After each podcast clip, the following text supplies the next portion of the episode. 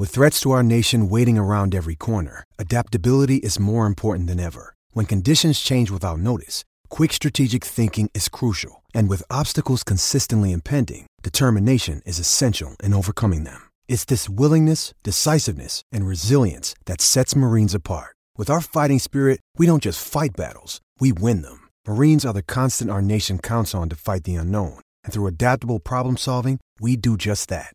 Learn more at marines.com. Carter for Dirk. Five seconds. Dirk for three.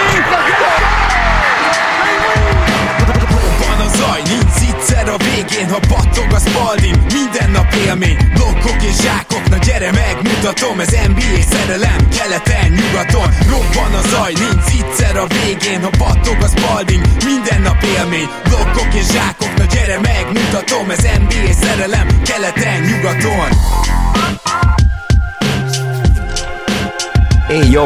Szép jó napot kívánunk mindenkinek, ez itt a Rap City keleten-nyugaton podcast, a mikrofonok mögött Zukály Zoltán és Rédai Gábor. Szia Zoli! Szia Gábor, sziasztok! Nagyon örülök, hogy itt lehetek. Élesedik, nem élesedik egy gyakorlatilag most már. Tűéles. Tűéles a, a szezon vége, de még mindig nincsen meg. Talán egy meccsapunk se? Azt hiszem, hogy még egy sincs, mert ugye a play-in is még változhat ráadásul az egy meccsen. Úgy, Igen, hogy... hát ugye a play az, az kuka még, amúgy nem kuka, mert amúgy tök jó dolog. Pont a Real Gym-en olvastam erről topikot, a Real GM-ről tudni kell, hogy hát elég kritikus szurkolók vannak ott, és általában semmit nem szeretnek, amit ugye a liga csinál, amellett, hogy persze a játékot imádják, de a play kapcsolatban a többség azt gondolja, hogy végül is elérte a célját. Nincsen még gyakorlatilag a mert a 4-5 sincsen ugye nyugaton, hát vagy Dallas, hát még bármi lehet, mert a Golden State is ugye egy meccsre van, a Dallas a tábléke, szóval nyugaton még gyakorlatilag lehet, felsorolom annyiféle meccsem, és keleten ugyanez a helyzet. Igen, mert ugye a Toronto az adott, ti be vagytok betonozva az ötödik helyre, de azt nem tudjuk még, hogy ki lesz a negyedik. Így van.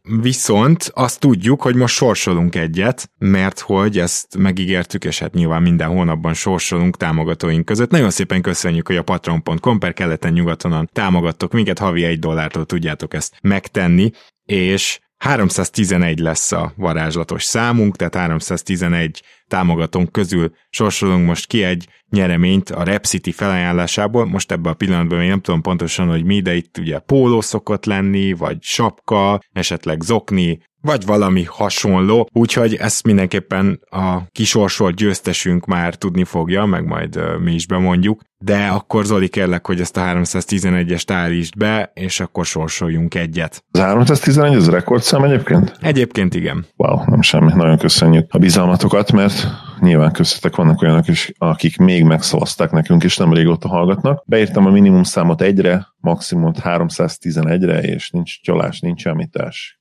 3, 2, 1, klik, 139-es versenyzőnk nyert. Akkor ő a harmadik oldalon lesz, én már is mondom.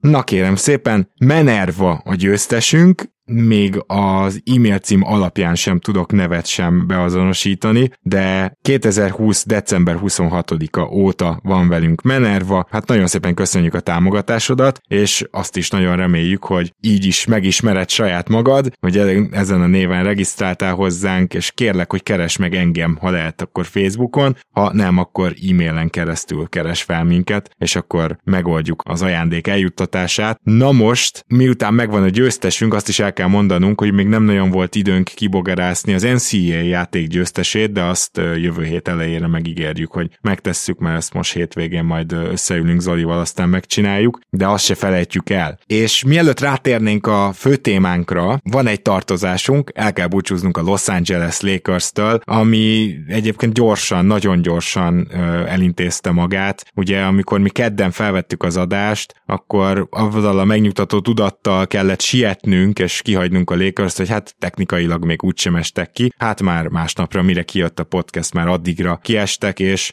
Őszintén szólva, egy olyan vereség szériában vannak, meg az elmúlt 20 meccset megnézzük, akkor is alig nyertek gyakorlatilag, ami mellett teljesen esélytelen volt, hogy bejutnak a play-inbe. És az az érdekes még, hogy ezt azért nagyjából megjósoltuk mi is, amikor azt mondtuk már februárban, hogy hát ha a liga, nem tudom, második, vagy harmadik, vagy első, attól függ, mit néztél, legnehezebb sorsolása van nekik hátra. És ezt a nehéz sorsolást is szerintem sokan úgy vették, hogy hát jó, de mégiscsak mégiscsak a LeBronról van szó, meg mégiscsak a Lakersről, és ezzel kapcsolatban szeretnél kérdezni, Zoli, hogy talán mi is beleestünk ebbe, de hogy van itt két faktor. Az egyik az, hogy a Brooklyn az tavaly talán nem kellett volna, hogy ennyire működjön, aztán persze a sérülések miatt egyértelműen amiatt elvesztették a Bucks elleni elődöntőt keleten de azért sokan azt mondtuk, hogy ennyire nem kéne, hogy működjön a Brooklyn, és hihetetlenül működött, és gyakorlatilag ezek után nem biztos, hogy mertük azt mondani, hogy Westbrookkal valahogy nem tudnak összedolgozni Jamesék. Ez az egyik, amit akarok mondani, a másik pedig, hogy James ellen soha ne fogadj elv miatt is, Szerintem, bár bemondtuk a dolgokat, hogy hát igen, ez nem fog összeállni, meg ez nagy katasztrófa potenciál, meg nem jó fitek egymás mellé, de a következtetést azért nem mertük a szezon elején levonni. Egyikünk sem, és hozzáteszem a szakírók sem. Szerintem, ha végkövetkeztetés nyilván nem is mondtunk le, mert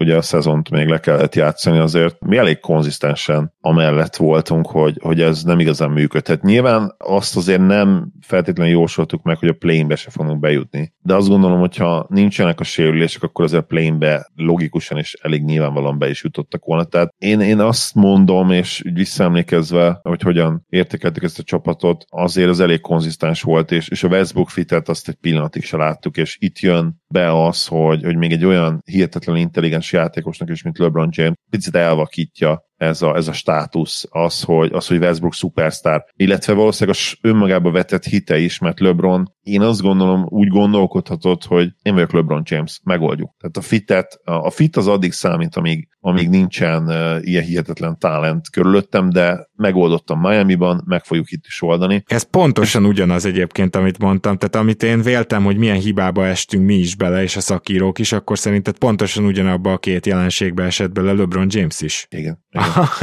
ez, ez, ez így érdekes. Sose tudjuk meg, de a jelek valóban erre utalnak, hiszen ő volt az, aki kérte a Westbrook cserét a Hild csere helyett, ugye ez az egy dolog, ez biztosan kiszivárgott, de nem akarom rákenni LeBronra az egész szezont, ő egyébként fantasztikus teljesítmény nyújtott, és igazad van a sérülésekben is, de most utólag tudunk csak okoskodni, és ez alapján az első kérdés az az, hogy ennek a csapatnak, hogyha nem lettek volna a sérülések, ha adja Isten, Nan is visszajön, szerinted mi lett volna a plafonja? Mert hogy azt az ilyen 50 győzelem körüli történetet én így se, úgy se látom, és, és ezt rögtön ott is meg lehet keresni, hogy Westbrook nem csak a támadást cseszte szét, hanem a védekezést is ő is, meg a sok 32, 33, 35 éves veterán, akik elvileg jó védők, de gyakorlatilag ők nem PJ Tucker, ez a probléma, tehát Trevor Ariza már nem használható. És, és többen voltak igazából Ellington nyilván védekezésben gyakorlatilag pályán tartatatlan. Szóval ezt akarom mondani, hogy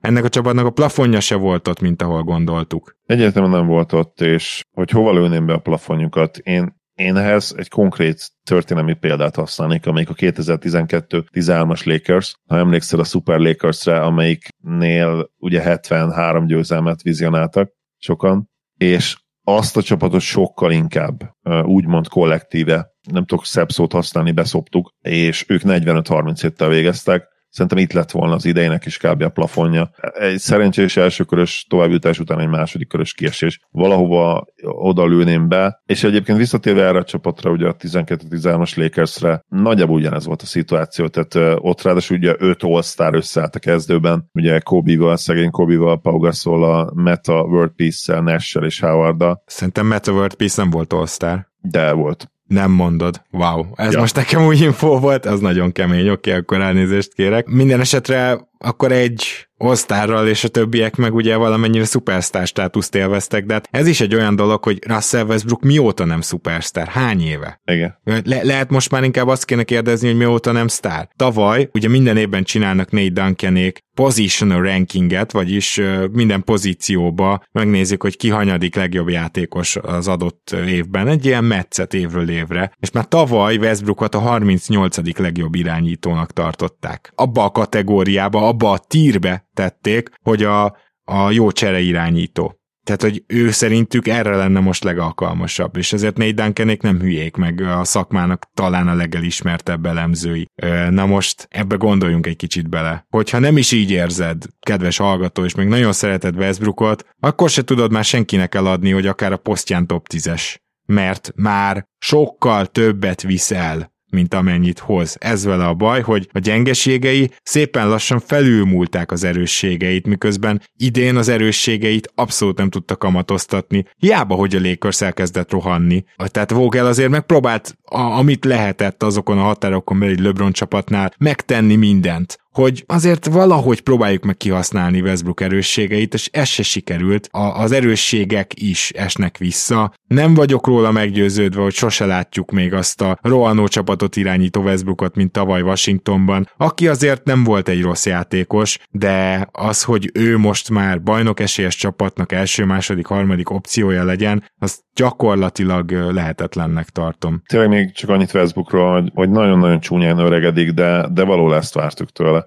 Tehát amikor egy ponton ugye le kellett mondanunk teljes mértékben a triplájáról, mert gyakorlatilag neki leszámítva tényleg egy szezon, ami az MVP szezonja volt, be van húzva ez a 30 és nagyon sokszor még ez séri el, ami ugye azt jelenti, hogy ott már teljes mértékben kontraproduktív, nem kell kilépned rá, és onnantól kezdve sokkal egyszerűbb levédeni azt is, amit ő csinál, amit ma már azért lassabban csinál, így 33 évesen, logikusan és természetesen, mint, mint tette a 20 8 éves korában, amikor ugye az MVP szezonját lehozta. Kicsit sajnálatos egyébként, mert MVP Westbrook egy kicsit szerintem alul értékelt volt, és volt egy-kettő tényleg igazán elit szezonja, ahol olyan all játékot nyújtott, amire nagyon kevesen voltak képesek a liga történetében. És ahol top 5-ös vagy maximum top 10-es játékos biztosan Abszolút. volt. Abszolút nem tartott hosszú ideig ez, a, ez az időszak. Érdekes, hogy Westbrooknál volt előtte is egy olyan időszak, amikor én már túlértéketnek éreztem, aztán volt ez a tényleg nagyon erős két év, nagyon rövid peak, amikor meg alul értéket lett,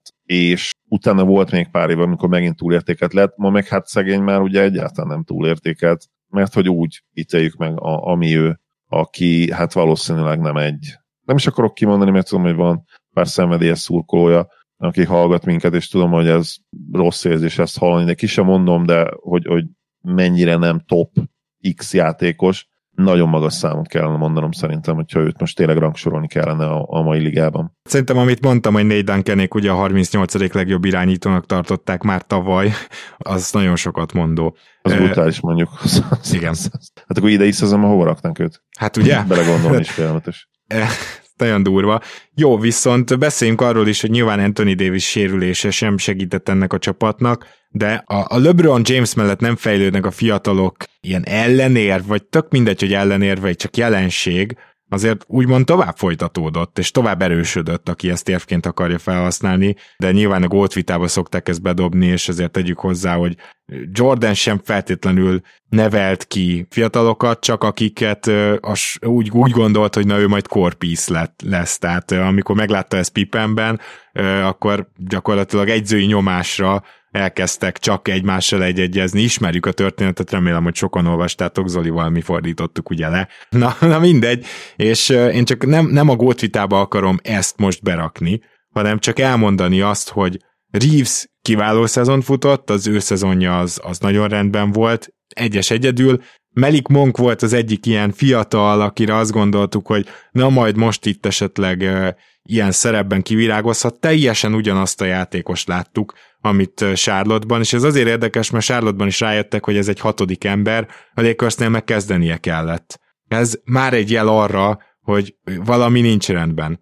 Aztán a center kérdés egész évben nem volt megoldva, Anthony Davis nem szeretne egész évben centert játszani, amúgy is sérült volt, Howardékat meg már nem nagyon lehetett pályán tartani, ebből lett az, hogy James védekezésbe centert játszott, és nem működött. Ez, ez a dolog nem működött. Ez még támadásba úgy elment, mert nyilván nehezebb volt rajtuk védekezni, védekezésbe abszolút nem üzemelt ez a történet, és Horton Tucker, örülök neki, hogy most dobott 40 pontot, ez a szezon, ez egyértelműen egy csalódás szerintem minden Lakers szurkolónak Horton Tuckerrel kapcsolatban, és csak abba bízhatnak, hogy ez a szezon kellett neki, hogy a következőre szintet lépjen, mert másban nem igen, sem védekezésben, amiben ugye már egész jó volt, nem sikerült előrelépni, sőt olvastam olyat, hogy inkább hátra, és támadásban pedig gyakorlatilag túl sok volt neki a nagyobb kabát, és, és nem bírta el már ezt a terhet. Nem látok jelen pillanatban olyan igazi fiatal piszt a Lakersnél, akire lehetne bármilyen szinten építeni. Nyilván az mindig benne van, hogy egy-két jó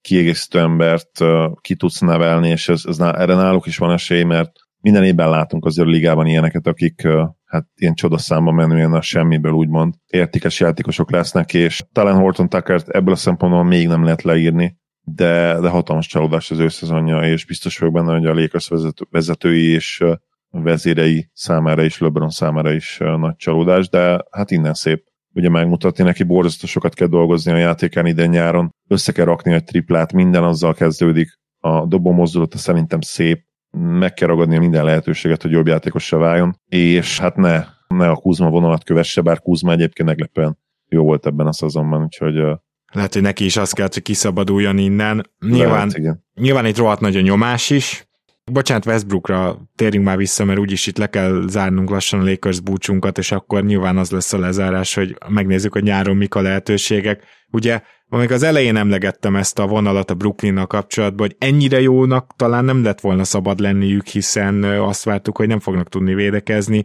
ezt egy speciális szezonban megoldották. Én ugye azt várom, hogy idén már ne legyen erre megoldás, de maradjunk annyiban, hogy ilyen szempontból mindenképpen speciális volt a tavalyi szezon. Ugyanakkor vegyük figyelembe azt, hogy az a három játékos támadásban azért tudott egymáshoz alkalmazkodni, és olyan kiegészítő skilljeik vannak, amik miatt gyakorlatilag ez el is várható. Tehát Irving és meg Durant is például kiváló off játékosok, hogy más nem mondjak. És hogyha megnézed Westbrookot, akkor szerintem nincs olyan, még státuszban sztár sem, még ha tegyük fel, hogy ő már csak státuszban sztár, de mindenkit egybeveszünk, ennél kevésbé LeBron mellé illeszthető játékost lehet, hogy nem találnánk az egész ligában.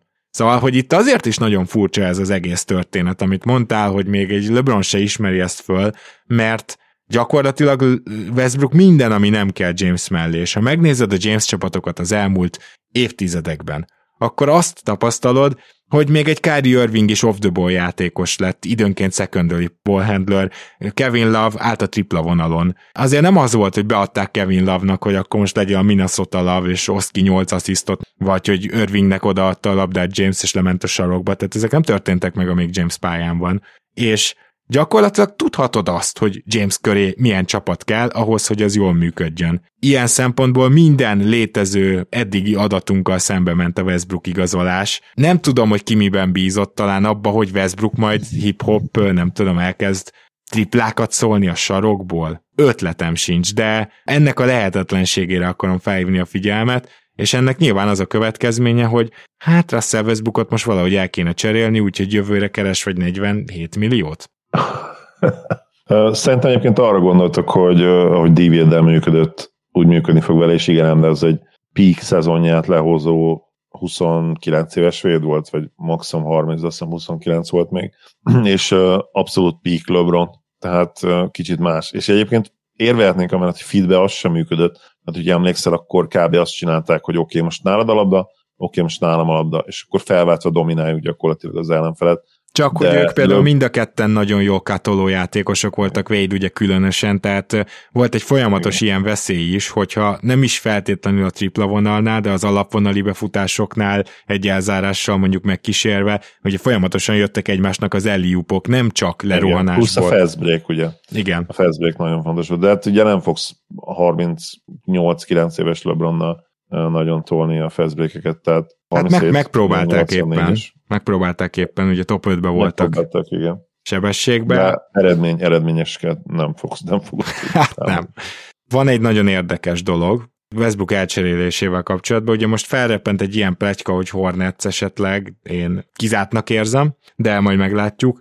Inkább ugye ez Biztos a John Wall. Nagyon segíteni a Lameló fejlődését. Ja, csak így elképzelem, meg azt is, hogy hogy tudna egy olyan csomagot összerakni a Hornets, hogy nem sajnálná Westbrookért, de a John Wall vonal a másik, ugye, ami az egyetlen úgymond reális csere, és nagyon vicces lenne, ha ez a két játékos ismét helyet cserélne, csak ezúttal valószínűleg a Lakersnek kell pikket adni Westbrook mellé, ami hihetetlen, de van egy nagyon érdekesség itt a pikkekkel, ugye 7 évre előre adhatsz ki draft picket, illetve van egy olyan szabály, hogy egymás utáni két évben nem maradhatsz draft pick nélkül, tehát hogyha kiadhatod egymás utáni három évben is a sajátodat, hogyha van máshonnan első körösöd közben, de úgymond draft pick nélkül nem maradhatsz.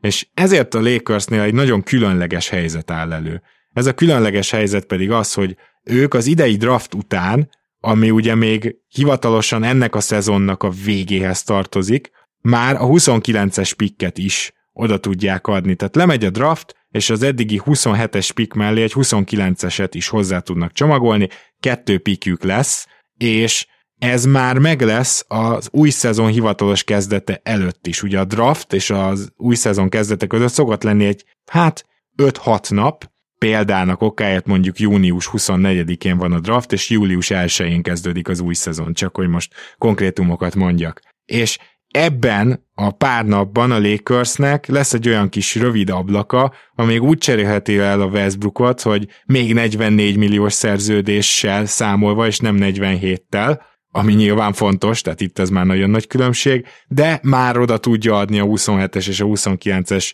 pikket, és nyilván akkor az idei pénzügyi rendszer szerint, tehát a játékosok idei fizetésével tudnak cserélni. Úgyhogy én nagyon kíváncsi leszek, hogy ott mit próbál meg a Lakers, mert hogyha esetleg valami értéket is akarnak visszakapni, akkor lehet, hogy két draft picket is bele kell majd adni egy ilyen cserébe valamit meg kell próbálni, az biztos, mert LeBron és AD köré egyszerűen nem, tehát valamit építened kell, nem, nem engedheted meg magadnak azt, hogy, hogy akkor leülsz, és, és ugyanezt a csapatot visszarakod. Viszont sok lehetőség nincs, tehát ez van, amit mondta, hogy be kell áldozni minden gyakorlatilag.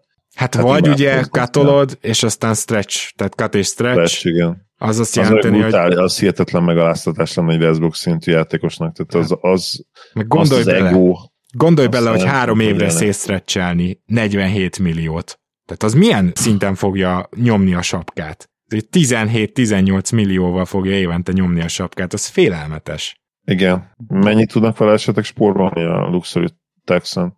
Hát azt most meg nem mondom neked, hogy jövőre a, a luxusadó mennyit spórolnak, de... Igen, csinálni semmit nem tud a Lakers, mert De igen, tehát azt akarom mondani, hogy ha 47 helyett 15 marad mondjuk, mert kivásárolják, és akkor kicsit kevesebbért, tegyük fel, hogy marad 15, akkor is hol tartunk ott, hogy ott van a két gigaszerződés, davis és james és mellé kapásból 15 millió hol teher. Tehát itt ilyen, hogy igazolni, hát nem Igen. fogsz tudni. Elsételen. Persze.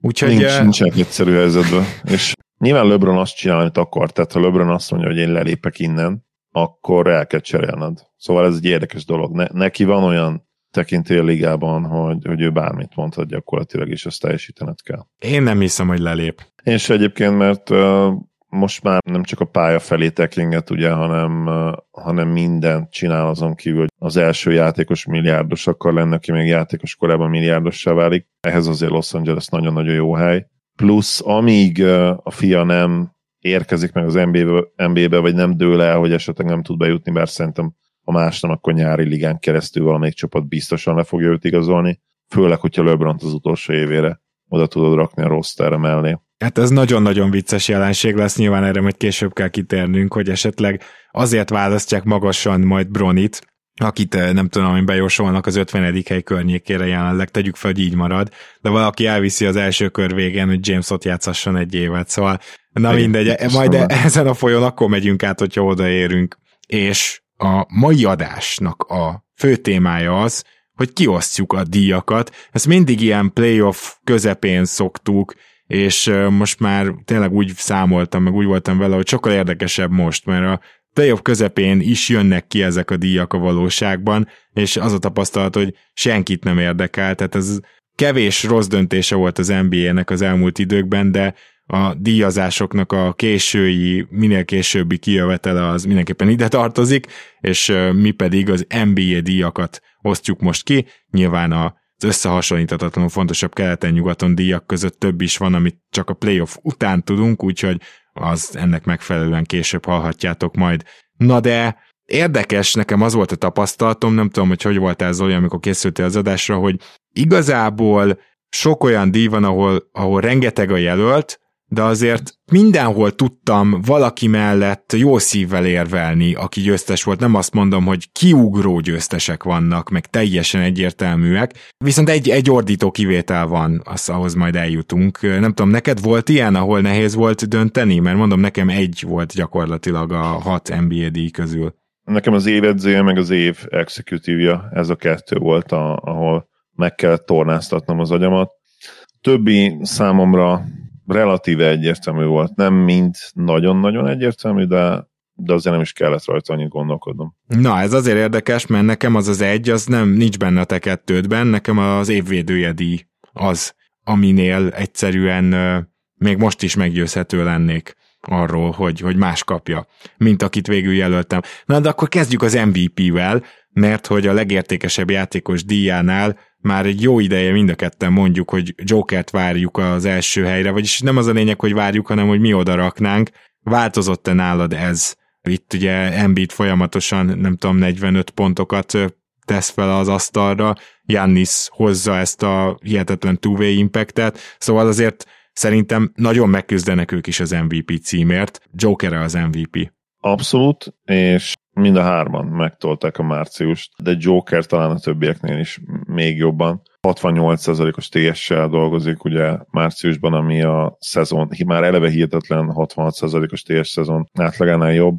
Mind a hárman kiemelkednek, tehát ebből a szempontból trióként emlegethetjük őket, de, de Jokic még egy kicsit a többieknél is kiemelkedőbb. Nem kell feltétlenül Hollinger kisgyermekét, ugye a Pert idehozni, amelyben meg fogja dönteni ugye minden idők legjobb eddigi eredményét, egyébként azt hiszem Jannis is megdönteni, hogy az előző, de mivel Jokic még jobb, így ő lesz az új rekorder, hanem BPM-ben, Raptorban, LeBronban mindenben rekordot fog dönteni, ha minden igaz, és a BPM az főleg erős, mert ott ugye azt hiszem LeBron 2000, 2008-as vagy 2009-es rekordját fogja átadni a múltnak, ami azért immáron most már 14 éves rekord, és a LeBron James tartotta, aki ugye tudjuk, hogy a BPM-nek a koronázott királya.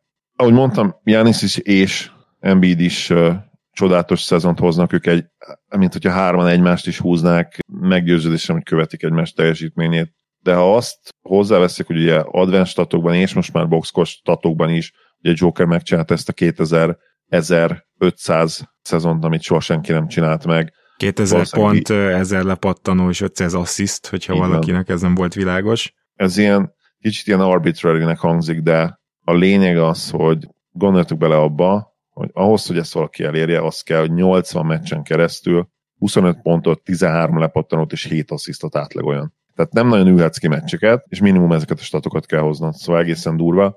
Így, hogy a csapat mérleg nagyon-nagyon hasonló lesz, tehát a Milwaukee-nak és Sixersnek azért valamivel, de tényleg hangja pélónyival lesz jobb uh, szezonja, mint Jokernek. Így, hogy kiült két maxos játékos, hogy gyakorlatilag, és tudjuk, hogy mennyire szét zuhan nélküle a Nuggets.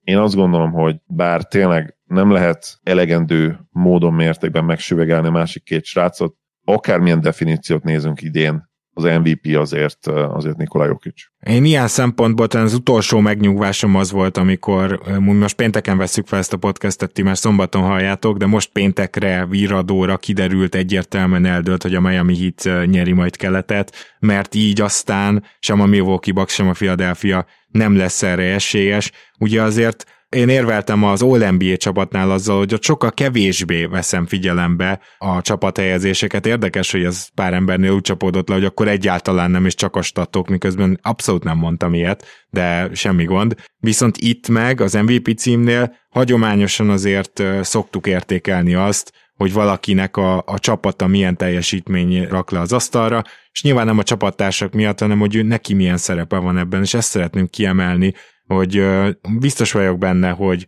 ezt bebizonyítani nem tudjuk, de és csak teória marad, de Nikola Jokic nélkül ez a Denver szerintem play sem lenne így ebben a formájában. Nyilván nem azt mondom, hogy Nikola Jokic kiesik, hanem hogyha Nikola Jokicot beértesíted egy átlagos centerrel.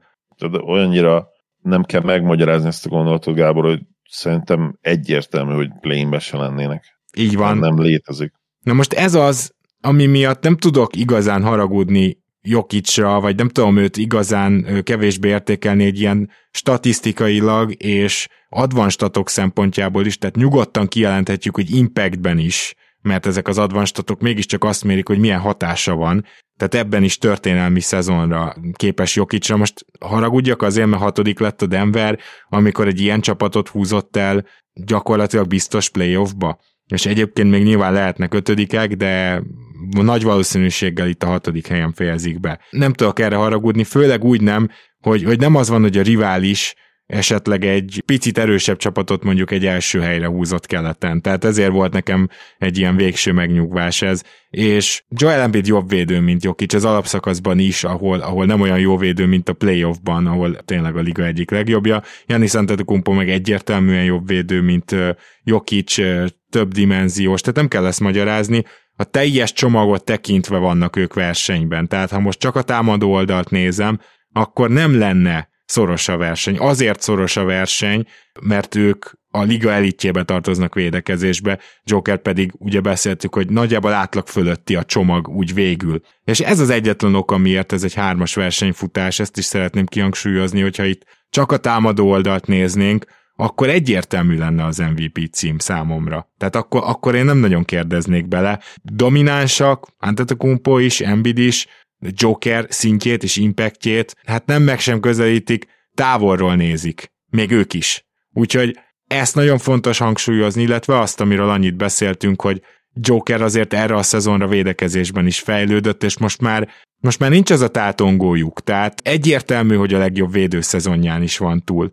Úgyhogy nálam is ő az első, és itt nem nagyon érdemes beszélni más jelöltekről. Azt gondolom, ebbe egyetértesz, mert hogy most Doncsics, meg Morant, meg Tatum, hol jön, messze. Talán arról érdemes beszélni, hogyha Doncsics és Tatum végig tudja hozni azt, amit januártól hoznak, akkor talán, hogy is mondjam, érdemesebb lenne őket megemlíteni a versenyfutásban, de így egész szezonra nézve erről a három emberről beszélhetünk csak. Így van, bár akkor inkább beszélhetnénk róluk nyerni, akkor sem lenne esélyük, sőt, szerintem a, a top 3-at sem tudnák megbontani. Ahhoz egyszerűen túl jó egyéni szezont futott az a három, és nyilván Jokic valamennyire kiemelkedő, nyilván ennek a mértékén lehet vitatkozni, de azért egyértelműen ott van az első helyen, én azt gondolom. Meglátjuk, hogy a szavazók is így gondolják-e. Az még talán kicsit lehet képlékenyebb, bár a mostanában visszajövő hangokból, illetve a, ha, ha jelenleg körbenézünk a, a liga újságíró ítészei között, akkor azért eléggé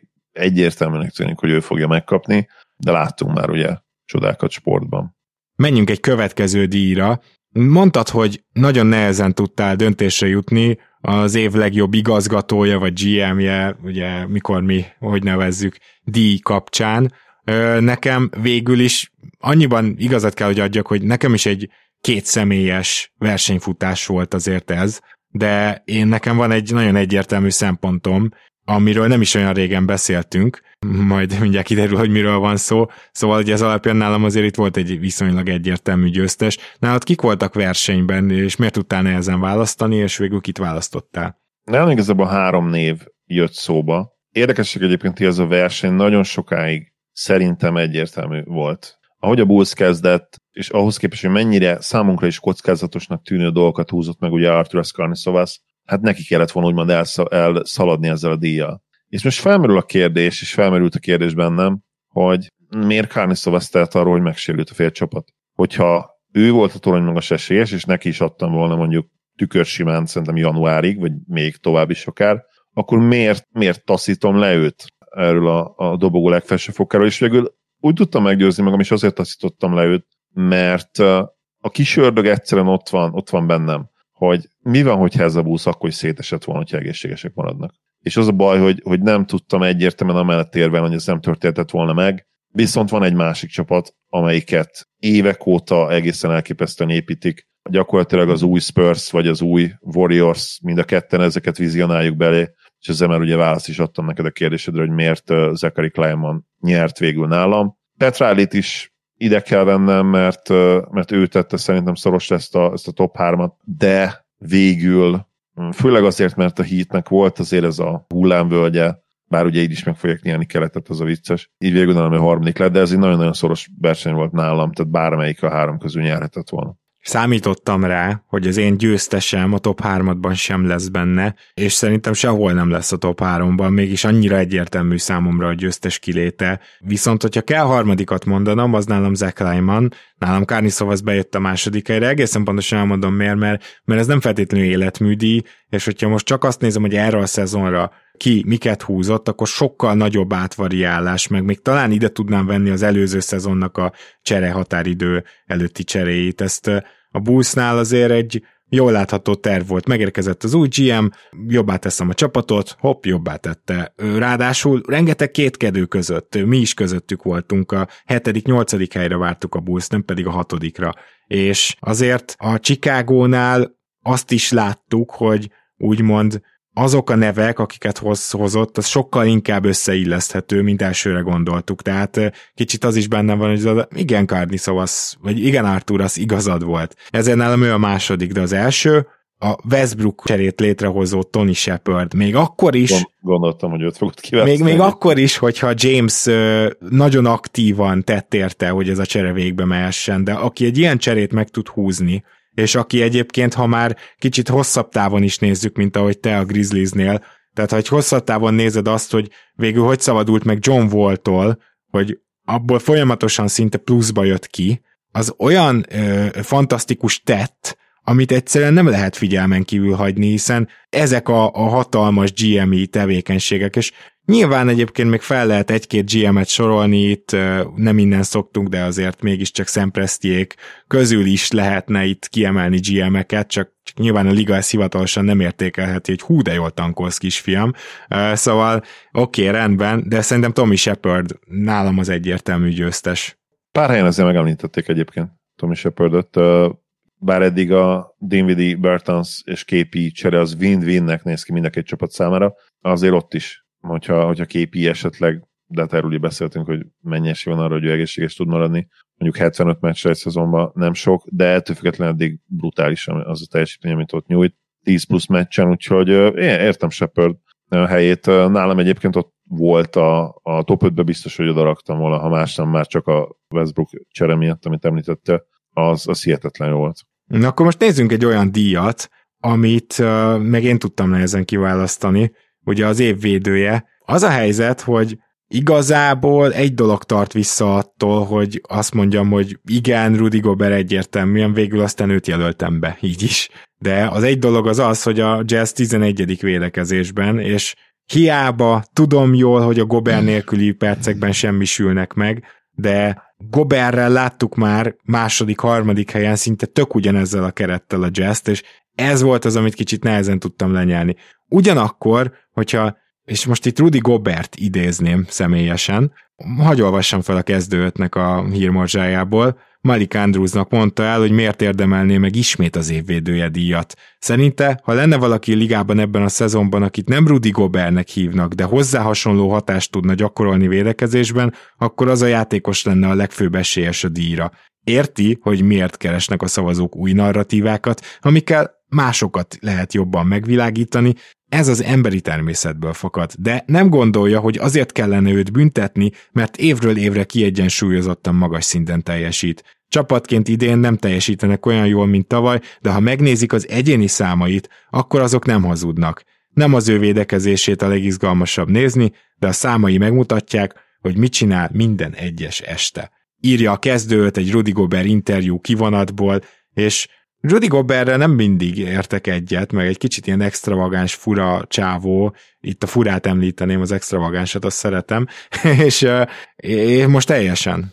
Tulajdonképpen ez az a gondolatmenet, pontosan ez az, ami mentén, hogyha az ember leül magával, akkor azt mondja, hogy igen, Rudy Gobert megint az évvédője, de nagyon nehéz azt is mondani például, hogy nem Draymond Green az csak ott is az a probléma, hogy Damon Green igenis sokkal több meccset hagyott ki, mint Gobert, és ráadásul most, amikor a sérüléséből visszatért, akkor még védekezésbe is kellett neki 10 meccs, mire, mire újra évvédője szinten teljesített. Tehát azért itt ez egy fontos dolog, mert azt akarom, hogy az évvédője az sok percen keresztül tudja azt az impactet hozni. És rengeteg-rengeteg egyéb jelentkező van, tehát olyanok, akik közel vannak ehhez a két emberhez, szerintem az egész szezon tekintve, JJJ-t, Bema Debajót, Time Lordot, esetleg Smartot, Bridges-t mind ide lehetne sorolni. Végignéztem az összesnek az összes védő statisztikáját, és küzdöttem, hogy valahogy nem Gobert jelölöm, de például Bridges tök durva, kiváló védő, a Suns 6 ponttal rosszabb védekezésben, amikor pályán van, mint amikor nincs. És ez nyilván a Suns padját dicséri elsősorban, félre ne értsetek, csak azért ezek, ezek olyan statisztikák, amik Rudy Goberre nem fordulhatnak elő. Szóval ezért volt nehéz, és ezért választottam mégis Gobert. Zoli, neked ez egy könnyű választás volt ezek szerint, vagy könnyebb, mint nekem? Igen, de hogy miért volt könnyű, az fontos. Ugye én ezt a Vigazdíjnak szántam, és ebből ki is találtod majd egy győztesemet. Egyébként abban mindenképp egyetértek, hogy ha megszondáztatjuk ugye az újságírókat, és elolvasunk pár cikket, akkor ez az a díj, amit a legnehezebb most megjósolni gyakorlatilag.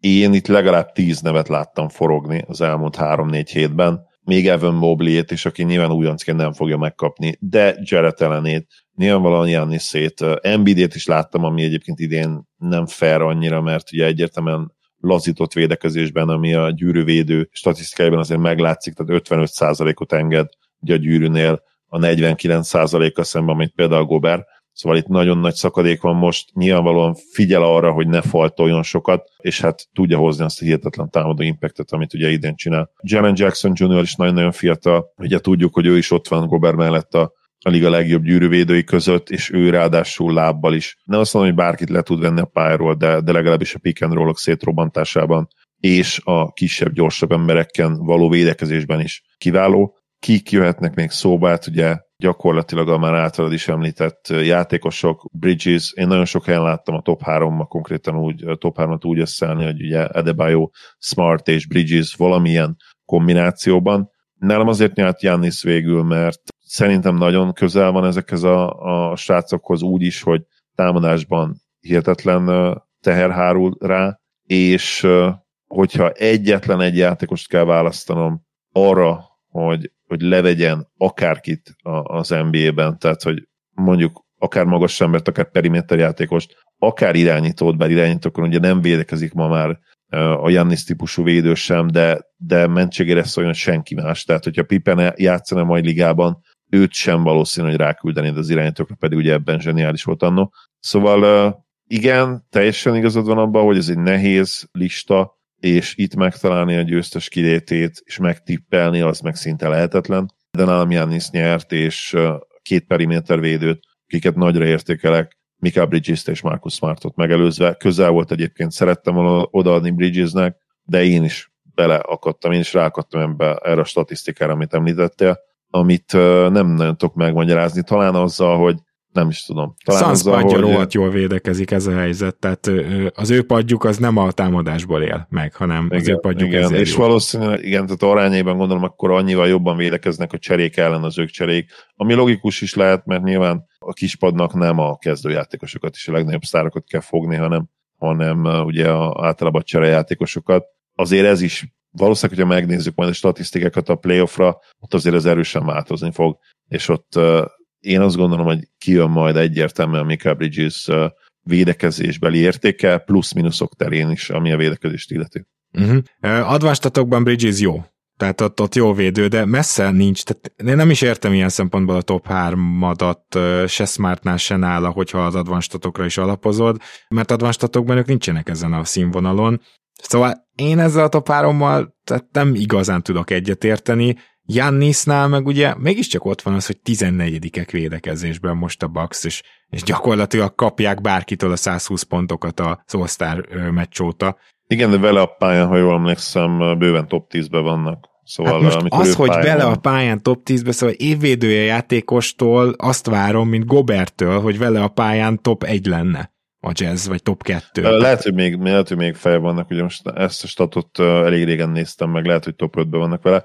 Értem, hogy mondasz Gábor, teljesen nyilván egy, egy díjnál sem hagyatkozik csak az eye testre, a szemtesztre az ember, de, de ha valahol én jobban hagyatkozom a szemtesztre, mint mondjuk a statok, a többi statra, az lehet, hogy egyébként pont az évvédője díj. Tehát én, én azon a szemüvegen keresztül nézem, hogy Doncsics ellen ki, ki, végzik a legjobb munkát, Jokicsot ki hogyan tudja fogni, milyen csapatrendszerbe tudják őt jól fogni, és ebbe azért Bridges is benne van elég vastagon, mert a, a Suns az kinyírja a Mavs, a Suns kinyírja a Nuggets-et is, és szerintem, hogyha ebből kivennéd Mika bridges akkor azért ez a rendszer összehullana. Hát ő például, abszolút... de abszolút Pippen módjára kifejezetten brutálisan védi az irányítókat. Az egy ilyen uh, egészen extra Bridgesnek. Nem akartam ám se Bridges, se Smartot itt nagyon hátrébb taszigálni, csak azt mondom, hogy egyszerűen Impactben nem top 3 egyik se. Értem, meg benne van az is, hogy ugye azt tudjuk, és ezt már bevallottuk mi is nagyon sokszor, hogy a magas embereket túlértékelik a védekező statok. Ez kétségtelen. De, de azért nem ugye... Nem, ha periméter játékosoknak is lenne esélye. Mondom ezt úgy, hogy, hogy effektíve egy, egy magas embernek, egy periméterre játszó magas embernek adnám oda a díjat. Szóval ez is benne van. Kicsit, kicsit az olyan old schoolos, hogy, hogy vannak ilyen ragyogó perimétervédők, miközben tudjuk, hogy ma már nem lehet old school módon védekezni sem. Tehát Igen. hiába vannak bulldogjaid, nem, nem, ők nem haraphatnak igazából ma már, mint régen hanem gyakorlatilag szájkosárban kell védekezniük, és ez nyilvánvalóan limitálja is őket. A magasoknak a helyzete és a játéka még mindig közelebb áll ahhoz, mint amilyen régen volt, mert ugye ők a, a gyűrűt tudják védeni, és ezzel akkor is rá tudják nyomni a, az ő bélyegüket a játékra, amikor egyébként egy periméter játékos nem nagyon tudna gyakorlatilag a számból vetted ki a szót, és ráadásul Zekló ezt ugye még tovább részletezte, hogy az, hogy mondjuk egy periméterjátékos kétszer megállít, vagy kétszer-háromszor megállítja az ellenfél legjobbját teljesen, és hogy többször zavarja, és rosszabb dobásokba kényszeríti, azt már ugye egy elit teljesítménynek érezzük, látjuk, sőt nevezzük. Mindeközben pedig egy átlag magas embernek ugyanennyiszer kell a gyűrű közelében védekeznie az egész ellenfél csapatán, és hogy úgy mondjam, itt egy ugye nagyon jó gyűrűvédő, vagy mondjuk egy olyan játékos, aki a pick and roll-t nagyon jól tudja védeni, nem engedi az Eliup paszt, a kicsit is levédekezi. Tudjuk, hogy vannak ilyen játékosok, Adebayo, JJJ, igazából Gober is ilyen hihetetlen hosszú karjaival, Szóval, hogy ezek a játékosok egyszerűen a, a magából a játékból adódóan lesznek nagyobb impactű védők. És kétségtelen, hogy ez hátrányosan érinti a perimétervédőket ma, szóval abszolút értem az érvelést, jó érvelés, csak ettől függetlenül is a legnagyobb hatású védőt keresem valahol. De Jannisnál megnéztem neked, hogyha nincs pályán, akkor 111-es a védekező rétingünk, hogyha pályán van, akkor 108-as. Szóval azért nem elit. Jó, de nem elit Janisszal sem a Bucks. 108 most me- mennyi a legjobb csapatnak most a rétingje? 106, azt hiszem, vagy 100, aha, 106 körül, igen.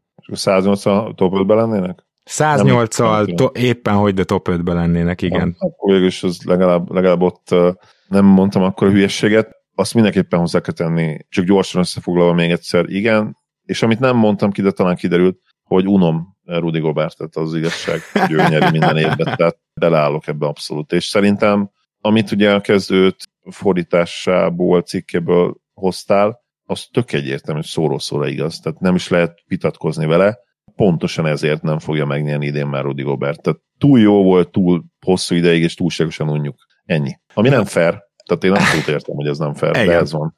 Igen. Jó, ez engem nem zavart. Egyébként Jannis Jannisnak valószínűleg top 3-ban van így is a helye, mert az a sok oldalúság az félelmetes, amit ő tud. Szóval ezt azért elismerem, hogy, hogy őt meg kellett volna említenem a közvetlen top 3-ban. Akkor a nálad még nehéz díj, ugye az évegyzője volt.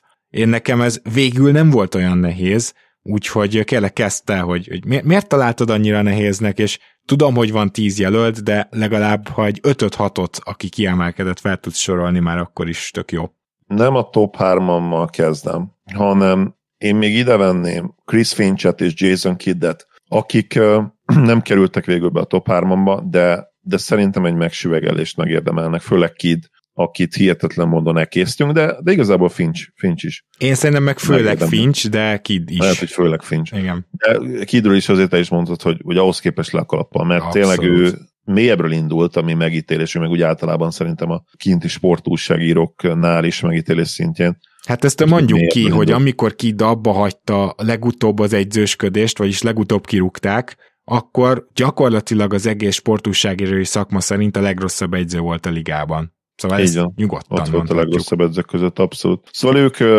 őket ilyen, ilyen honorable mentionként meg kell említeni, én azt gondolom. És akkor ugye a top 3-on.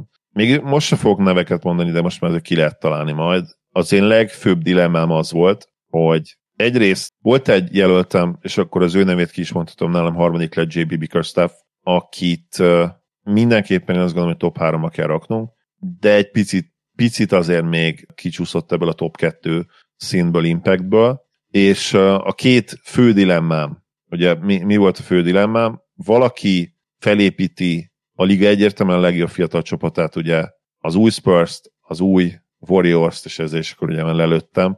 Tehát, hogy őt válasszam ki, vagy azt az edzőt válasszam ki, aki ezt a tökéletes gépezetet építette fel, veteránokkal, de azért fiatal játékosokkal is, és gyakorlatilag egy, egy számomra jelen pillanatban szinte legyőzhetetlen elegynek tűnő, tényleg a gépezet szó a legjobb, ami eszembe a Sunsról, ezt építette fel. Tehát itt ugye Taylor Jenkins és Monty Williams között vaciláltam, és végül egyszerűen díjaznom kellett azt, ami a Suns jelen pillanatban, és ez megdőlhet, mert én szinte legyőzhetetlennek tartom, várom őket, és picit bele is investáltam ebbe a, a véleménybe, ugye azt mondtam többször, hogy szerintem hét meccses párharcba se fognak belebotlani idén, és nyilván, ha már ezt így gondolom, és bele is álltam ebbe a véleménybe, akkor, akkor mitől, mitől ilyen ez a Suns, ha tényleg ilyen ez a Suns, és az egyik nagyon-nagyon fontos elem ennek Monty Williams. Úgyhogy ő nyert végül nálam, de nagyon közel volt, mert amit Taylor Jenkins csinál a fiatal macikkal,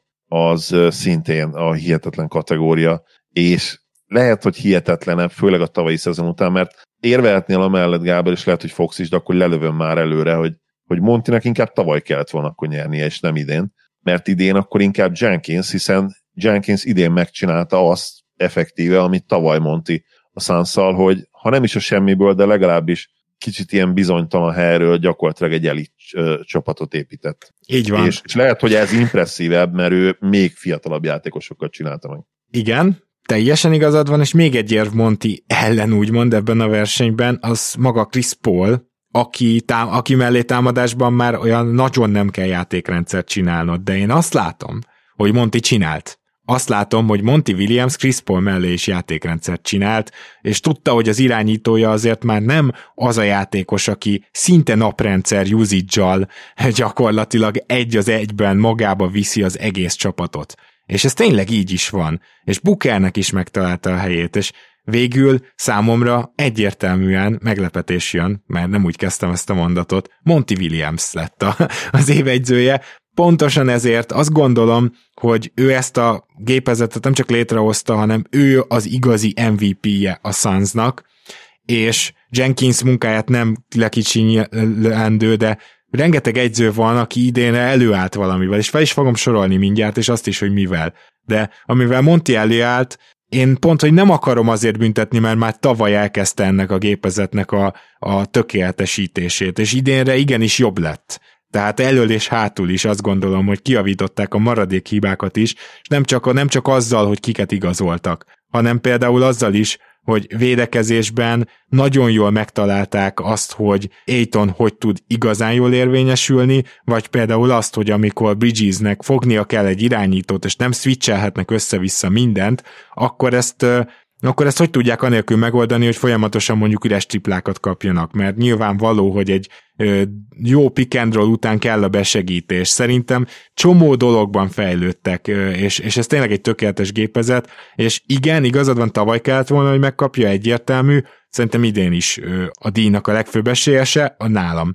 Jenkins a második ez is kérdés nélküli. Mivel állt elő Jenkins, gyakorlatilag soha nem látott mértékben megy a, vagy, vagy legalábbis a 90-es évek óta tuti nem látott mértékben megy a támadó pattanóért a Grizzlies, rengeteg labdát szerez, és egyszerűen tudták azt ellensúlyozni, hogy ők amúgy nem túl jól dobó csapat hanem minden egyes meccsen megnyerik a matekot. Folyamatosan több rádobásuk van az ellenfeleknél, nagyon kevés kivétel van, például a teljesen beleszarásos és összeesős Denver elleni meccs most, biztos legalább egy összefoglalót láttál, Zoli, de tényleg a leges legtöbbször az történik a pályán, amit a Grizzlies akar, és ez abszolút Jenkins érdeme.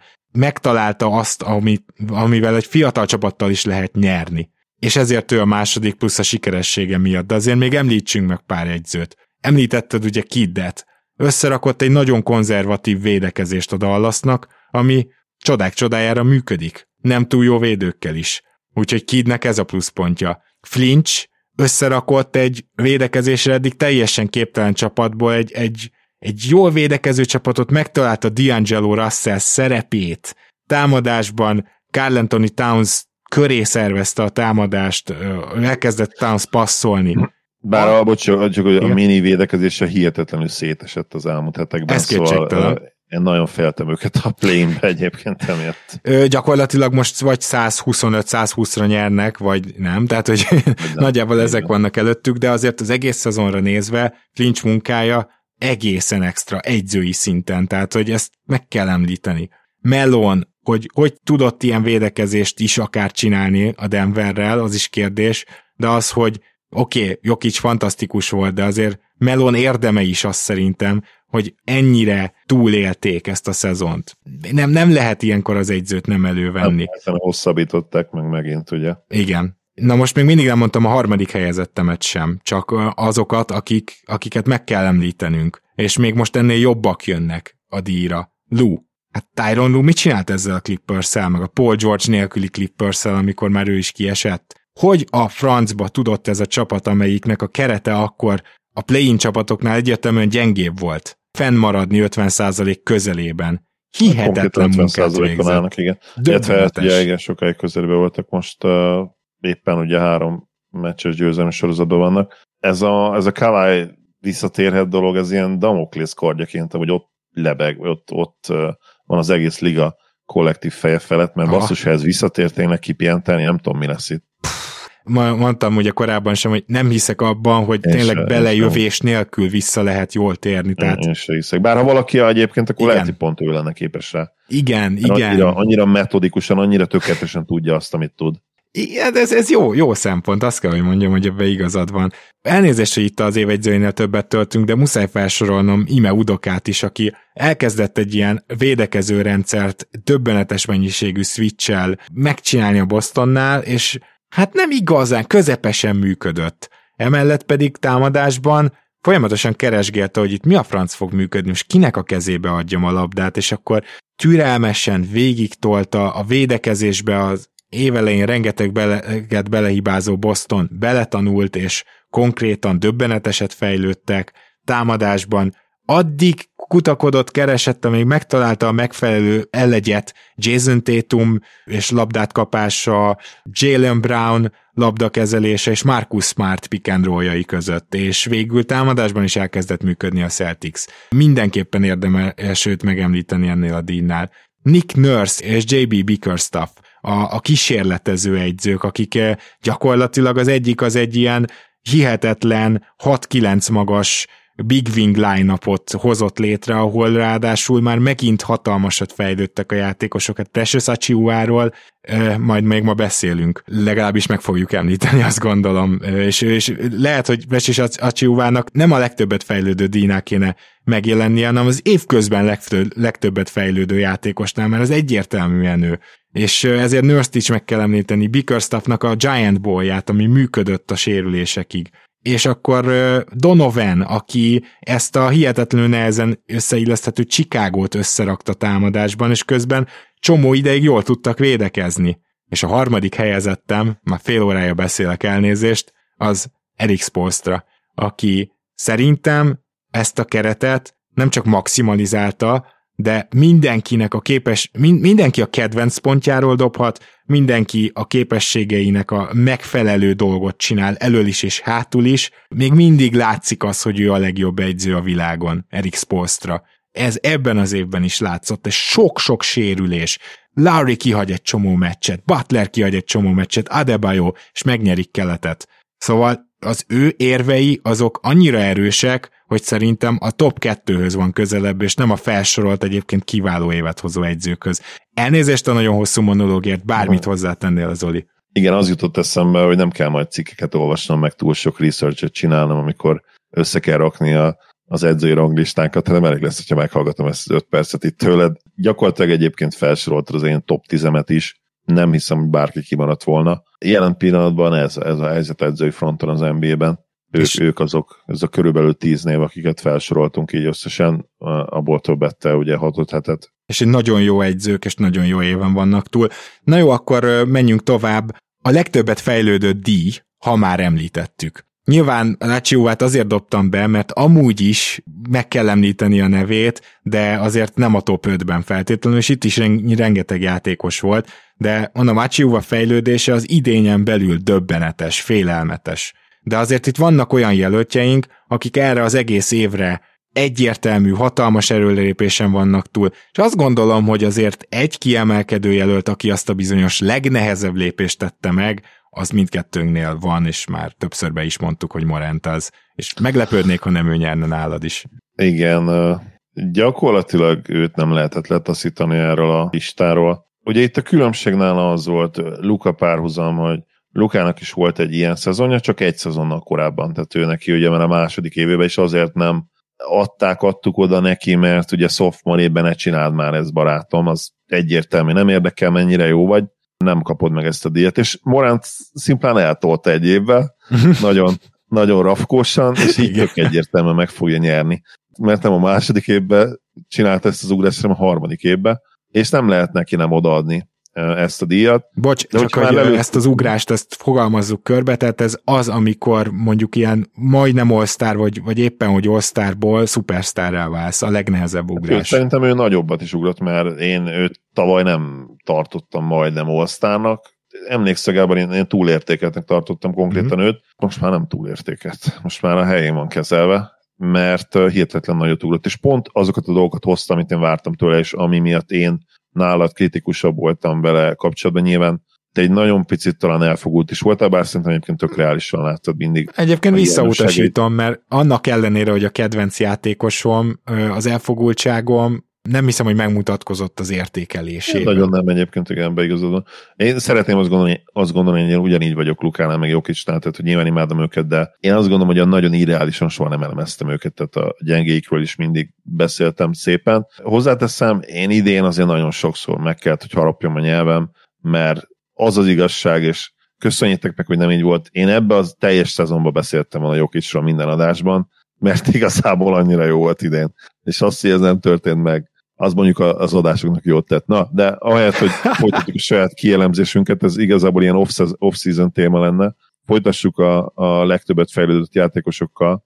Garland és... mellett, után sorolt igen, fel, hogy kik uh, voltak, kik jöttek szóba uh, nálad. Az ilyen nagyon-nagyon szóba jött, de úgy igazán nem jött szóba, szeretnék egy-kettő ilyen srácot is mondani. Wendell Carter Jr., ugye ő az egyik ilyen low-key kedvencem, Jordan Poole, aki elég komoly ilyen, ilyen Steph Curry light kampányt letolt itt nekünk. Nyilvánvalóan nem kerülhet, én azt gondolom a top 3-ba se, de, de meg kell említeni Miles Bridges, aki gyakorlatilag idén hát hihetetlen lob threat is volt, tehát ugye amikor olyan célpont, akiket meg lehet találni állíuppal, a labdakezélése még tovább fejlődött, gyakorlatilag kopogtat az All-Star szinten, még jobb hatékonyság kell tőle jövőre, de, de nagyon nagy lépést tett. Mika Bridges és Cam Johnson a két Suns játékost, ugye főleg Cam Johnson-t, Mika nagyjából számszerűleg szerintem hozza azt, amit tavaly, de, de még jobb védővé vált. És uh, hát az egyik uh, nekem ilyen, ilyen másik titkos kedvencem, hogy a Memphisből Desmond Bain, utálom, hogy nem mi hoztuk el a drafton, tehát hihetetlen belegondolni, hogy akár kiválasztottuk volna őt, és azt hiszem, hogy Tyrese Maxit is kiválasztottuk volna, de ebben nem vagyok biztos, de őt is ugye meg kell említeni. Nálam egyébként ez a két név már a negyedik, ötödik, tehát tényleg a, valójában a másodéves voltuk miatt maradtak le a top háromról. Abszolút. Abszolút nálam is így van, ez a két a negyedik, ötödik, és akkor ugye megyünk a top háromba, ahonnan már az elsőt elmondtuk, eltaláltuk, és a másik két játékos nálam ugye Dejon Murray és Darius Garland Nekem is csak megfordítottam a sorrendet, de gyakorlatilag itt teljesen ugyanarra jutottunk. Garland előtt is le a kalappal, hogy mi ketten, de én biztosan őt, őt eléggé magasra értékelem már az elejétől kezdve. Nekem nagyon-nagyon tetszett a drafton, és nagyon jó játékot vártam tőle. Nem gondoltam, hogy ennyire jó lesz a harmadik évére hozzáteszem, tehát full, full all-star szezont hozott le, és ki is lett választva, tehát most már egyszeres all-star. Nem gondolnám azt, hogy itt meg fog állni ez a srác lesz ebből még 2-3-4 is. És szerintem Murraynél is megerősítést nyert az, hogy végül ugye utólag, de kiválasztották. Most csak ezt azért Igen. mondom, mert azóta is fantasztikusan játszik, miközben mondjuk egy Wiggins, szóval értitek. Dejounte Murray hihetetlen jó játékossá érett, nyilván ő kicsit idősebb már, 25-26 év körül van, de számomra meglepő kiugró szezon volt ez támadásban. Tehát az, hogy úgy növelje majdnem 6 ponttal az átlagát, hogy közben a hatékonysága is nő, nem is keveset nő, ráadásul a hatékonysága ugye tavalyi és hát gyakorlatilag egész karrierjében eddig mutatott true shooting százalék, ugye ilyen 50 százalék körül volt. Idén azért ez majdnem 54 százalék, ez még mindig nem jó, és nyilván még mindig egy kicsit nagyobb teher hárul a mint kellene, de ahhoz képest, hogy mennyire nincsen ugye igazán jó egyéni szkórelekkel körbevéve ő a Spursnél, ahhoz képest ez brutálisan jó szezon. A tripláját kell tovább javítani, még több büntetőt kiharcolni, abba is ugye nagyot lépett előre. És hát ugye tudjuk, hogy ő, ő, ő most tényleg egy túvé játékos, bár a támadás része nyilván gyengébb ebből, mint a védekezés, de elég komoly dolgokat csinál ugye egy ACL sérülés után, ami, aminél mondjuk még elég fiatal volt ahhoz, hogy tökéletesen meggyógyuljon belőle, tehát itt, itt azért az előny volt, hogy, hogy nagyon fiatalon, mint ahogy Kyle Lowry is nagyon fiatalon szakította szét a térdét, mert utána teljesen fel tudta építeni magát. Ha ezek a sérülések ilyen 26, 27, 28 körül történnek, azért valószínűleg más onnan visszajönni, mint hogyha 22 körül. Igen, igen, ez elég gyanús. Minden esetre azért Murraynek is kellett egy, egy év gyakorlatilag, mire vissza térni arra a pályára, amin amúgy mozgott, tehát ő azért folyamatosan fejlődött támadásban is, de ez az év, ez, ez a sérülés, ez legalább egy két és fél három évre siklatta ki tulajdonképpen, szóval még így is ebbe gondoljunk bele, hogy folytatta ő azt az utat, csak sokkal-sokkal később.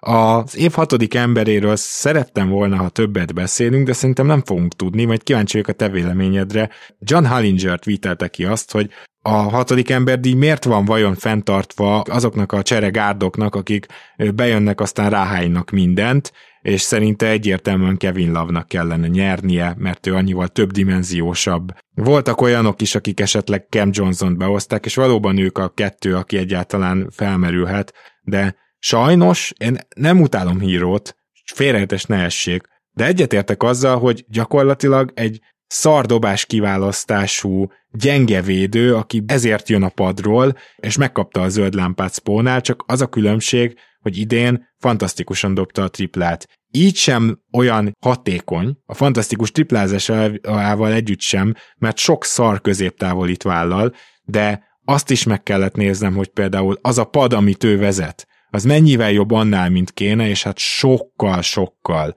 Ennek a Miami-nak annyira kellett a padról egy ilyen scorer, és ő ezt annyira szépen hozta végül, és annyival több pont, tehát 20 pontot, 20 pont fölött átlagol gyakorlatilag, vagy 19,9, nem tudom most pont hol tart.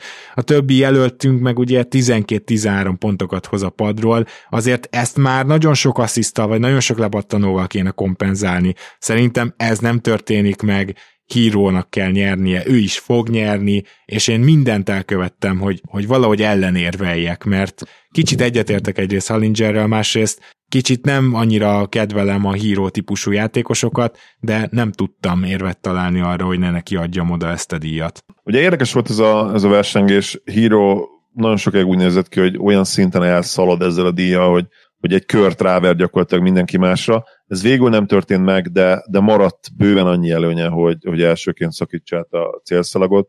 Érdekes ugye azt megnézni, hogy kinek lehetett volna még esélye. Szerintem igazán senkinek, mert ahogy ugye Steph Curry-nél az MVP narratíva teljesen az ő volt az első két hónapban, és gyakorlatilag az kellett, hogy, hogy teljesen szétessen. Itt is erre lett volna szükség hírónál, mert olyan hihetetlen előnyt épített fel, és annyira nem láttunk mást úgy igazán klasszikus hatodik ember szerepben mellette, előtte, mögötte sem nagyon, hogy, hogy gyakorlatilag ezt az előnyt végig, végig tudta vinni, mert nem esett annyira vissza, mint a Steph Curry, meg nyilván év, a hatodik ember Eddie-nál nincsen, nincsen olyan magasan a léc, mint, mint az MVP-nél. MVP-nél gyakorlatilag egy, egy rossz hónap kinyír, és erre ugye volt példa korábban történelmileg Shaq, Shaqnél is, aki, aki gyakorlatilag így veszítette le az egyik évben, amikor hihetetlen statokat produkált végül, de, de egyszerűen rossz kezdés miatt nem ő nyert, hanem azt hiszem az volt talán a David Robinson év, de nem vagyok benne biztos. És hozzáteszem, és... hogy a jövőben is lehet, hogy lesz ilyen játékosunk Doncsics személyében, aki ezért nem lesz mondjuk háromszoros MVP, csak egyszeres. Ja, simán, simán benne a pokliba, igen. Úgyhogy ki az, aki utána még ugye felbukkant, nyilván Kevin Love, ő egy hihetetlen feel-good story lett így a, az évre, de ő is a, a nagyon jó kezdés után, ugye 44-40-87 splittekkel, 44%-kal a mezőben 40%-a triplázott, és 87%-kal büntetőzött az első három hónapban aztán az visszaesett az utána következő kettőre, és akkor már ilyen 40%-kal a mezőnyben 36%-kal triplázott, és 78%-a büntetőzött, tehát ez minden tekintetben visszaesett. Még mindig egy nagyon jó hatodik ember lett, de hát ugye a sérülésekkel bajlódó Kevsz, hogyha már használtam ezt a célvonalon, átszakítjuk a cél, célszalagot analógiát, akkor a, a Kevsz így már így félig ájultan esett be végül ugye a célvonalon, így az alapszakasz végére a sérülésektől, és ugye hát kicsúsztak a plane is. Aki még szóba jöhetett, Cam Johnson is ugyanez a, ez a, ez a tök kellemes sztori, de, de hát azért az 12 pont az kevés, még akkor is, hogyha szerintem hogy összességében mindent beleszámítva a liga egyik legjobb, legértékesebb hatodik embere. Igen, főleg, hogy nagyon jó védő is. Igen. Hát igen, te jobb off the ball játékos talán hírónál is, bár híró azért off the ball is jó, de, de igen, egyszerűen nem lehet másnak odaadni. Viszont akkor az utolsó díjunkra térjünk már ki, mert erről nagyon sokat beszéltünk, és már nincs mit indokolni rajta, csak, meg, csak megnevezni.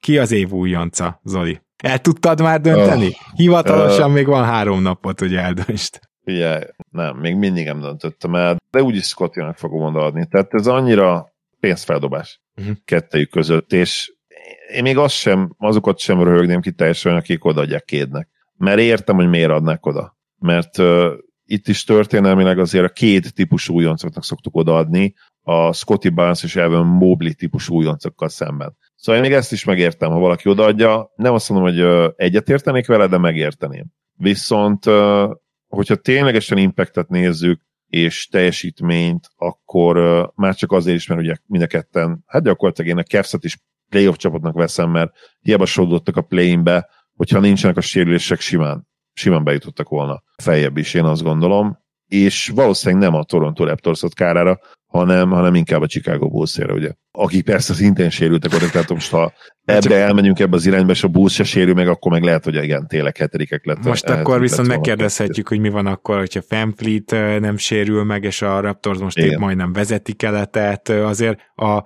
négy legegészségesebb csapat. Nem, a Miami-t kivéve, bocsánat. Tehát a, a Miami-n kívül a három legegészségesebb csapat van azért ott a top négyben. Igen. Hogy mi, miért választom Scottit végül, tényleg ez egy ilyen, mondom, pénzfeldobás. Nem is nagyon hiszem, hogy, hogy, hogy meg kell indokolni. Talán, ha van egy jó indoklás Scottira az, hogy, hogy ő egy, egy mostanában, és hangsúlyozom mostanában egy, mintha még egy Moblihoz képest is nagyobb szerepben lenne jobb és sokoldalúbb. Tehát valamivel, mint hogyha, mint hogyha sokoldalúbb lenne jobb lenne, ugye ez a 6 lap 7 magas srác a 7-3-as Monster Wingspan-jével. Van az most már 6-8 is szerintem, annyit biztos Lehet, nőtt. 6-8 is igen nőtt. Gyakorlatilag, hogyha megnézed ugye Raptorson belül azokat a tehát bizonyos meccsapokban ugye már ő úgymond a vezér is. Tehát mostanában olyan, olyan vingekre rakták rá őt, mint Tatum Harden, Durant előtte láttam őt ugye Lukán is védekezni, LeBronon, Jimmy Butleren, és bizony, egyébként az az érdekes, hogy váltásoknál láttam őt Jokicson és Carl Anthony Townsend is védekezni. Hát neki, szóval... neki védekezésben egyértelműen ez lesz az irány, hogy háromtól Igen. fölfelé, és nem háromtól lefelé, mert amikor Abszolút. viszont egy gyors irányítóval kerül szembe, akkor meg komikus módon verik meg. Tehát neki az egyetlen Igen. egy baj a védekezésben, az a lábon nem extra gyors. Ez. Igen, de ezt is itt helyén kezeljük, tehát hogy nem extra gyors közben, meg rohadtul atletikus. Persze. Tehát nem egy, nem egy szuper atléta, de nagyon atletikus. Persze. Úgyhogy ott is, meg hát ott is robbanékonyabb lesz még, hát most növésben van. Őt, ha összerakják fizikailag, akkor a határ tényleg a csillagosség. Elképesztő tehetség. Jó, én azért most hagy érveljek Mobli mellett, pedig hát gondolhatjátok, hogy Barnes mennyire kedvelem. A saját csapatom sztárruki, aki első évben olyat hoz, amiről nem is álmodtunk. Senki, aki Barnesról beszélt, nem gondolta, hogy az első évben ilyen jó lesz. De ha az összimpektet nézem, akkor Mobli idei védekezése, hogy egyáltalán szóba kerülhet évvédője, vagy, vagy év második védőcsapata legalább díjaknál, az egy rukitól olyan különlegesség, és emellé támadásban nem az van, hogy ő aztán nagyon szignifikánsan rosszabb vagy kisebb szerepben van mondjuk Barnesnál. Nyilván Cade az más, mert ő megkapott egy, nap, egy csapatot naprendszer szerepben itt most már a szezon második felére, és bele is nő és hozza is a statokat, de de ezt nagyon nehéz összehasonlítani azért az ilyen point forward-szerűség Scotty barnes és az inkább ilyen Kevin Garnett,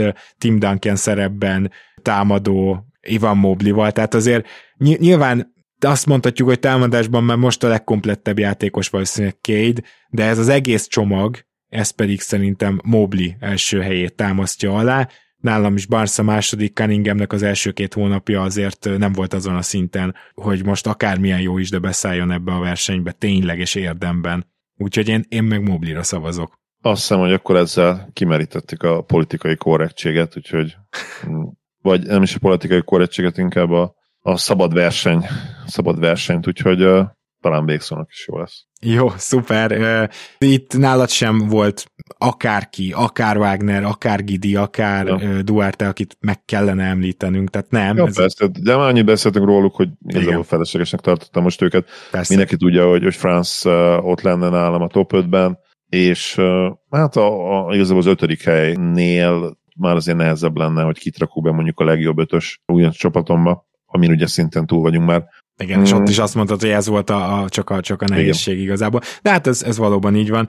Jó, végigmentünk akkor az összes díjon, kivéve az összehasonlíthatatlanul fontosabb keleten, nyugaton díjakon, de hát az csak a szezon vége fele. Tudjuk Igen. nektek prezentálni, és akkor természetesen ez majd meg is történik. Addig is, Zoli, nagyon szépen köszönöm, hogy ma is itt voltál, és belegondoltál, hogy a következő adásban már play-int harangozunk be? Bizonyám, akkorra már tudni fogjuk azt is, ugye, hogy, hogy milyen meccsapok lesznek a 4-5-nél. Meg a 3-6-nál, így van. Meg a 3-6-nál, így van. Úgyhogy nem de, kis... De valószínűleg azokról külön adásba fogunk beszélni. Én gondolom, is azt gyanítom, hogy meglátjuk. Majd meglátjuk, lehet, hogy a play in harangozók tényleg addig tartanak majd, hogy, hogy túlzás lenne még két pár harcot is. Minden esetre... De a play azért nehéz, tudod, mert gyakorlatilag azt fogjuk kibontani azért egy 20 percben, hogy egy meccsen bármi lehet. Igen. Én azért bele, bele kell majd nézni a meccsapokba, de más, mint egy hét meccses párharcnál. Igen. Nagyon-nagyon-nagyon más. Igazából az ilyen NCAA-féle egy meccses izgalmat az gyakorlatilag a play-in hozza. Tehát az erre is Igen. jó volt, hogy, hogy ez is megjelenítődjön valahogy ilyen szépen nem magyarul fogalmazva. Így van, alig várom. Örülök, hogy itt lehettem. Szia Gábor, sziasztok! Kedves hallgatók, köszönjük szépen, hogy velünk tartotok. Hogyha itt a díjakban valakit kihagytunk volna, valakit szerintetek érdemtelenül túl magasra raktunk, akkor írjatok nyugodtan. Nagyon kíváncsi vagyok a véleményetekre, főleg abban, hogy például az ilyen nehezen eldönthető díjaknál nálatok mi dönt, mert például egy évvédője, egy évegyzője, Valószínűleg azon múlik, vagy ugye évigazgatója, hogy ki mit tart legfontosabbnak. Lehet sok-sok érvet felhozni sok ember mellett. Ezt mind írjátok meg nekünk. Minden jót kívánunk addig is, és hamarosan jövünk a playoff beharangozókkal. Sziasztok!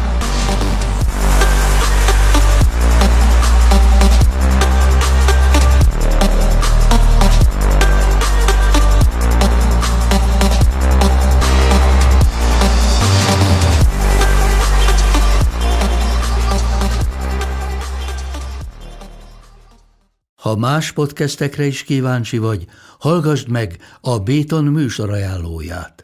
El tudod képzelni, hogy a podcastet, amit éppen most hallgattál, fél év múlva már a mesterséges intelligencia generálja? Mi sem. De ha érdekel, eljött már a gépek lázadása. Hallgass bele az Embertelen podcastbe. Orsós Lajos vagyok, a műsor házigazdája. Egyelőre még élőben. Egyelőre. Fedezzük fel együtt, hogyan ismerkedik, randizik, mesél és vitatkozik Betty és Péter, két teljesen mesterséges intelligencia. Lajos, a podcast címét mond még egyszer, Léci. Oké. Okay. Embertelen podcast.